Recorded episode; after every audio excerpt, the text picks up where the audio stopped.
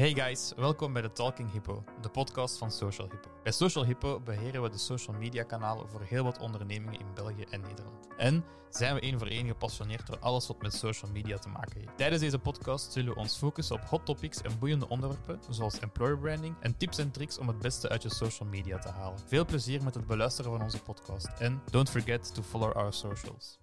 Hallo iedereen en uh, welkom bij een nieuwe aflevering van de Talking Hippo, genaamd het Social Hippo Maandoverzicht. In deze aflevering richten we ons op enkele beruchte of belangrijke nieuwsfeiten die zich afspelen in de wereld van social media. Voor deze aflevering nemen we de start van 2023 voor onze rekening en behandelen we dus het nieuws van de afgelopen maanden, januari, februari en maart. Zo gaan we wat dieper in op onderwerpen zoals AI in de muziek, de toekomst van muziek of eerder de downfall, heisa rond Twitter en Elon Musk, TikTok die verontrustende activiteit uithaalt en Facebook die nu ook nog geld vraagt, vraagt voor een blauw vinkje en nog veel meer. Voor vandaag heb ik meegenomen onze creatieve duizendpoten, de personen die elke social media post van onze klant onder handen nemen, de content creators Lindsay, Febe en Jamie. Welkom iedereen. Hallo. Hallo. Ja, dus zoals gezegd nemen we vandaag enkele nieuwsfeitjes onder de loep en de eerste is meteen eentje die volgens mij mensen licht kan verdelen, namelijk AI in de muziek. Is het de toekomst of eerder het begin van het einde? Ja, dus uh, onlangs kwam er in het nieuws uh, dat David Guetta een nummer heeft gemaakt uh, aan de hand van AI. Um, heeft dus eigenlijk twee AI-tools gebruikt om een soort mix-up te maken van een Eminem-achtige stem en een, een song, ah ja, een tune. Um, en hij noemde het zelf ja, echt heel geslaagd. het werkte goed blijkbaar bij het publiek ook. Uh, je had nooit verwacht dat er eigenlijk ja, effectief iets, iets bruikbaars uit die tools ging komen. Uh, en heeft dat getest uh, live tijdens een optreden. Ehm, ja, dus hij, hij, was aangenaam verrast door de uitkomst. Je zei van ja, dat kan de mensen verdelen, dat klopt wel, want er zijn er wel verschillende meningen over. zo heeft Nick Cave daar ook op ingegaan. Allee, niet specifiek op David Guetta, maar op het uitbrengen van nummers aan de hand van AI. En hij noemt het echt hij was er echt niet mee opgezet. Hij noemde het een karikatuur van, van alles wat het betekent om mens te zijn. Dus ik denk niet dat de Cave snel nummers gaat uitbrengen aan de hand van AI. Maar uh, het, het zou wel kunnen dat er wel nieuwe genres en zo ontstaan daardoor. Oké. Okay. Uh, ja, volgens mij een heel boeiend top topic dat um, vaak nog in het nieuws gaat verschijnen en waar het laatste woord zeker nog niet over gezegd is. Um, ja, nu iets meer over Twitter, uh, over Twitterland, uh, waar Elon Musk weer het een en het ander heeft gezegd en veroorzaakt.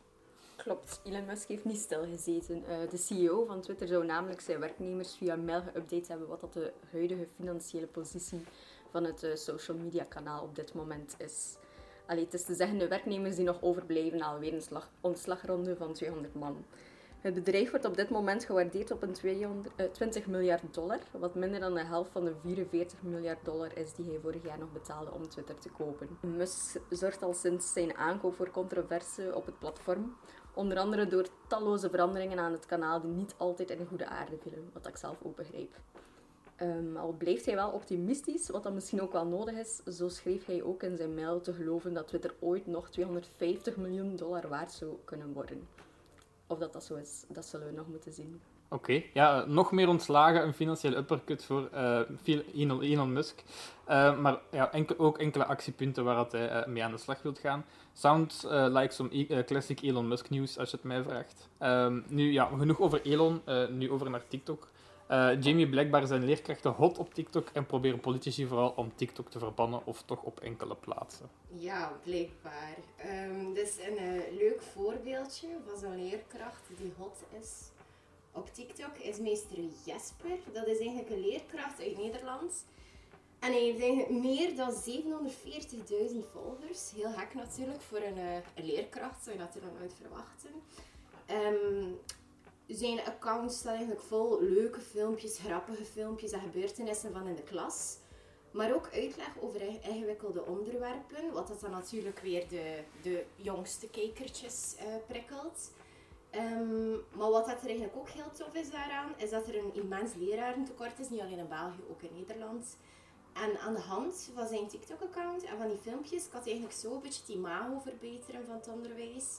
En aan de hand van die filmpjes ook tonen hoe leuk dat onderwijs eigenlijk is. Dus uh, ja, het is niet voor iedereen weggelegd, maar het kan wel heel nuttig zijn natuurlijk. En ja, dan hebben we ook nog de politici. dat is een geval apart. Hè. dus enerzijds zitten we met heel het gedoe rond de spionage, de Chinese spionage. Ehm, de VS heeft eigenlijk vorig jaar al al de Amerikaanse overheidsfunctionarissen laten de app verwijderen.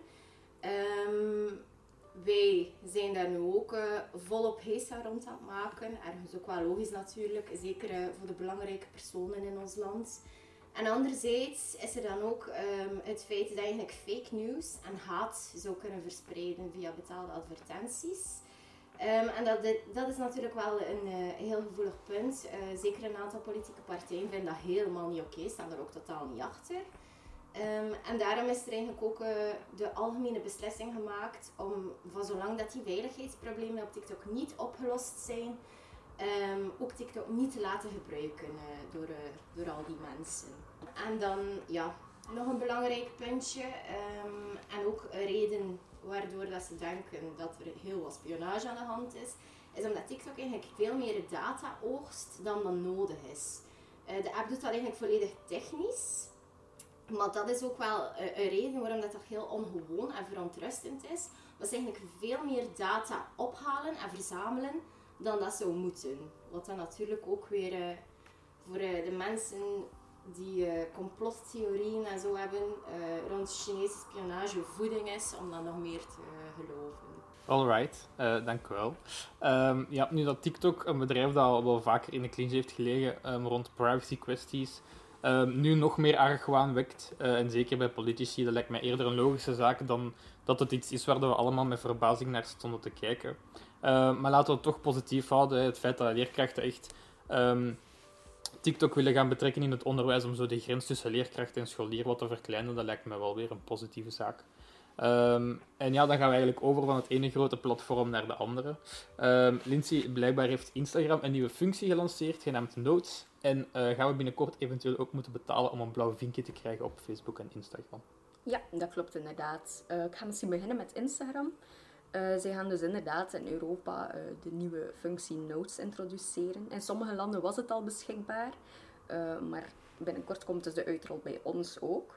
Uh, wat gaat er eigenlijk gebeuren? Ze gaan eigenlijk een uh, horizontale balk bovenaan bij je privéberichten introduceren, waar dat je als gebruiker kleine berichtjes gaat kunnen plaatsen van maximaal 60 tekens. Bijvoorbeeld heel belangrijke zaken zoals vanavond ga ik gaan eten of zo. Het berichtje zal voor 24 uur te zien zijn voor de gebruikers die je zelf kan selecteren, wat dat dus wel heel leuk en handig gaat zijn. En dan het volgende puntje is inderdaad Facebook en Instagram, oftewel Meta dus, de grote koepel daarachter. Uh, zij gaan eigenlijk Twitter achterna. Mark Zuckerberg heeft namelijk uh, een nieuwe dienst aangekondigd, namelijk Meta Verified. Een abonnementsdienst waarmee je als gebruiker je account kan laten verifiëren met een blauw vinkje. De voordelen zullen extra bescherming tegen identiteitsdiefstal en directe toegang tot de klantenondersteuning zijn. Maar hoeveel gaat dat dan kosten, hoor ik jou denken. Zo'n abonnement ga je kunnen aangaan vanaf 11,99 dollar wie zich abonneert via het Apple-systeem zal een 14,99 dollar betalen, omdat Apple natuurlijk een 30% commissie op de betalingen in de iOS-apps aanrekent. De focus zal vooral liggen op influencers en contentmakers en moet volgens Zuckerberg de authenticiteit en beveiliging van de diensten vergroten. Alright, uh, ja, betalen om een beetje cool te lijken vind ik het persoonlijk, maar uh, ja, natuurlijk wel handig voor de mensen die er echt een meerwaarde aan kunnen ondervinden, uh, zoals die grote influencers die ja, via de social media kanalen eigenlijk hun brood verdienen. nu, los van de platformen zijn er ook nog enkele zaken die wel het vermelden waard zijn. Ehm, Febe, blijkbaar is er zelfs een campagne aan de gang om jongeren bewust te maken rond social media en zou social media over het algemeen zelfs betalend kunnen worden. Ja, inderdaad, dat klopt. Um, er is een nieuwe campagne opgezet. Die gaat uit van het Go Atheneum in Brussel. Uh, en dat is eigenlijk een informatiecampagne met de naam VibeCheck. Uh, de bedoeling daarachter, of de aanzet daarvan, was eigenlijk uh, dat heel wat jongeren aangeven dat ze zich down voelen, dat hun algemeen welzijn leidt onder de content die ze te zien krijgen op social media, omdat ze zich daarmee veel te veel zouden gaan vergelijken. Um, ze krijgen, allee, jongeren geven aan dat ze een soort ja, een ongelukkig of een droevig gevoel krijgen van, van wat ze te zien krijgen op social media. Uh, omdat ze zich uh, minder voelen, zich daar niet aan kunnen meten, omdat ze ja, uh, jaloers zijn of, of een soort van gevoel van onbereikbaarheid zou dat kunnen creëren. En die campagne Vibecheck is dus opgezet om eh, jongeren meer bewustzijn uh, te doen krijgen over, over de impact van social media. En ook ehm, wat dat eigenlijk de, de impact daarvan op je mentaal welzijn zou kunnen zijn. Dus het, het is eigenlijk een, een soort spel. Het is bedoeld voor jongeren van 11 tot 18 jaar. En het, het leert een beetje inschatten en speelt in op, op wat er allemaal zou kunnen uh, ontstaan door, door content te zien te krijgen. En uh, die campagne is ook een samenwerking van KU Leuven, Mediawijs en een informatieplatform voor jongeren uh, met de naam Wat Wat. dus dat was het eerste nieuwsfeitje. En daarnaast kwam er dan ook nog in het nieuws inderdaad dat Instagram en Facebook ehm, mogelijk in de toekomst betalend zouden kunnen zijn. Ze zijn er namelijk mee aan het experimenteren. Uh, er is nu een soort van trial uh, betaalabonnement aan de hang. Um, dat was eigenlijk een beetje ook wat Alicia al zei. Dat speelt in op de, de voornaamste influencers nu momenteel. En het betaalabonnement houdt in dat je als uh, gebruiker van social media zou moeten betalen om extra privé-content eigenlijk te zien te krijgen dat de andere mensen die niet betalen dan niet op hun feed te zien zouden krijgen. Dus je krijgt meer inzicht en krijgt meer video's en meer content te zien. Uh, ja, het zou kunnen dat dat, dat wel een realiteit zal worden, omdat social media zijn nu voornamelijk afhankelijk van uh, ads, advertising. En dat is uh, wel iets dat, dat niet kan blijven duren natuurlijk. dat is ook heel onzeker. Dus uh, ja, ze voorspellen dat er, dat er toch abonnementen en zo voor, voor alle social media kanalen tevoorschijn zullen komen. Oké. Ehm, nu ja, ik denk dat zeker die vibe check, die campagne, uh, iets maatschappelijk um, ja, wel belangrijk is om ook de jongeren daar allee, een beetje meer bewustzijn over te doen creëren. Dus dat is zeker een positief iets. Um, en ja, vooraleer we nu overgaan naar het laatste deel van de podcast, um, waar we nog enkele trends van 2023 gaan uh, behandelen over uh, social media. Um, nog, even, nog even een kort intermezzo met enkele cijfers rond social media in België en Nederland over het algemeen. zo blijkt uit cijfers dat maar liefst 96% van de Nederlanders actief zou zijn op social media. Bijna 80% van die tijd die gespendeerd wordt op social media gebeurt via smartphones. Blijkbaar is ook meer dan de helft uh, van de Instagram-gebruikers gebruikt die app dagelijks. Uh, verder blijkt dat in Vlamingen 84% um, ehm, dagelijks één of meerdere social media kanalen gebruikt. En um, ehm, 6 op de 10 van de Vlamingen die social media momenteel gebruiken, vindt eigenlijk het uh, eigen social media gebruik te tijdsintensief en worstelt ermee om dat onder controle te krijgen. Oké, okay, dan ja, last but not least uh, behandelen we al even de opkomende social media trends van dit jaar. Um, dat zijn natuurlijk ja, een, een aantal trends. Uh, trends veranderen continu en kunnen er ook nog bij komen in de toekomst. Dus um, we weten daarover meer in een van de volgende podcasts. Um, maar ja, nu uh, over naar de trends van vandaag. Zeg maar. ik heb er sowieso al eentje. in 2022 was het ook al heel belangrijk. Maar dit jaar is ook echt weer up and coming. it's all about creatorship. Wat bedoelen we daar concreet mee? De snelheid waarmee dat het belang van de creatorship groeit, is eigenlijk echt ongekend. Dat is niet normaal. Um, dus aangescherpte privacyreglementen op social media. Uh, dat betekent dat we steeds minder kunnen targeten op interesses en demografische gegevens. En ook steeds meer beschermen van de gebruiker maakt het zoveel uitdagender om de gebruiker gericht te kunnen bereiken. Uh, daarom is eigenlijk maken van relevante en aantrekkelijke content nog zoveel belangrijker geworden.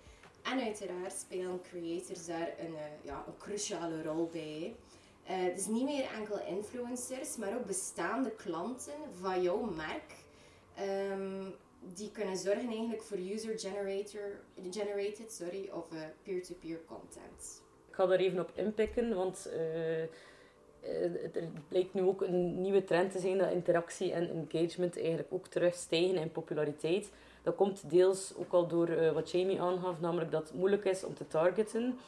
Um, ja, het begon eigenlijk allemaal oorspronkelijk met interactie en engagement, uh, sociale media, waar ben bedoeld om, om echt een band te krijgen met, met de mensen die reageren op je post en zo. Maar dat verdween dan naar de achtergrond, omdat bereik, frequentie, impressies, dat werd, dat werd belangrijker en dat werd allee, dat werd eigenlijk voornamelijk het voornamelijkste doel.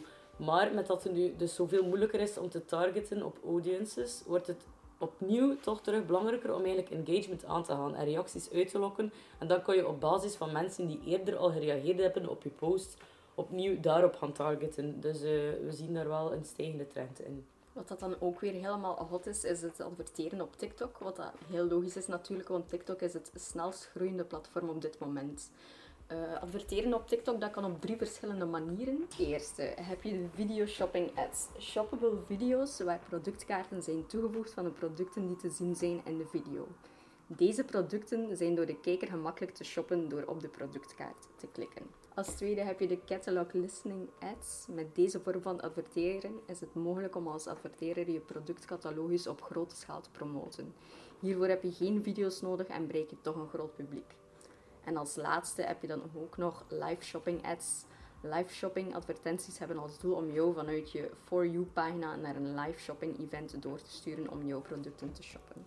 Uh, dan hebben we nog een uh, laatste nieuwsfeitje en dat, is, uh, dat gaat over short video's. dat was in 2022 ook wel belangrijk, maar dat blijft wel stijgen, die populariteit van korte, korte video's. Um, blijkt namelijk nu uit onderzoek dat Generation Z dagelijks bijna tot 3 uur op social media doorbrengt. Um, dus ja, daar kan je al heel wat in te zien krijgen. En uh, het, het gekke daaraan is eigenlijk dat de spanningsboog slechts 8 seconden is. Dus dat wil zeggen dat de eerste 8 seconden eigenlijk doorslaggevend zijn voor of iemand blijft kijken naar je video of niet. Dus met dat dat nu geweten is, is het natuurlijk voor bedrijven wel belangrijk om daarop in te spelen en om echt te zorgen dat die eerste 8 seconden van een, van een video echt het, de kern van je boodschap bevatten en dat de, dat de mensen geboeid zijn om eigenlijk verder te kijken. Hè. Lange video's, ja, dat blijkt niet meer zo hard te werken. Het moet kort zijn en het moet snel gaan.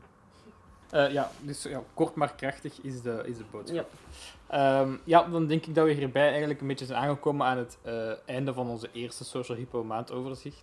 Um, ja, bekijk het een beetje als een soort deluxe editie waarbij we, dat we de afgelopen maanden in een notendop hebben gebundeld um, op vlak van social media nieuws. Uh, hopelijk steken jullie er ook iets van op en houden jullie er als luisteraar ook iets aan over. Ik zou zeggen, stay tuned for more, want in de volgende podcast hebben we het over social media en het belang van privacy. Um, iets wat dat bijvoorbeeld ook vandaag al deels aan bod kwam uh, in verband met TikTok. Voor de volgende maanden zal er altijd ook een maandoverzicht volgen per maand. Uh, dus dit was een soort van deluxe editie waarbij dat we de afgelopen drie maanden hebben gedaan. Um, en voor de rest zou ik eigenlijk ja, gewoon Jamie, Lindsay en Febe willen bedanken. en zeg ik tot een volgende keer. Bye bye. Yeah. Bye bye. Bye.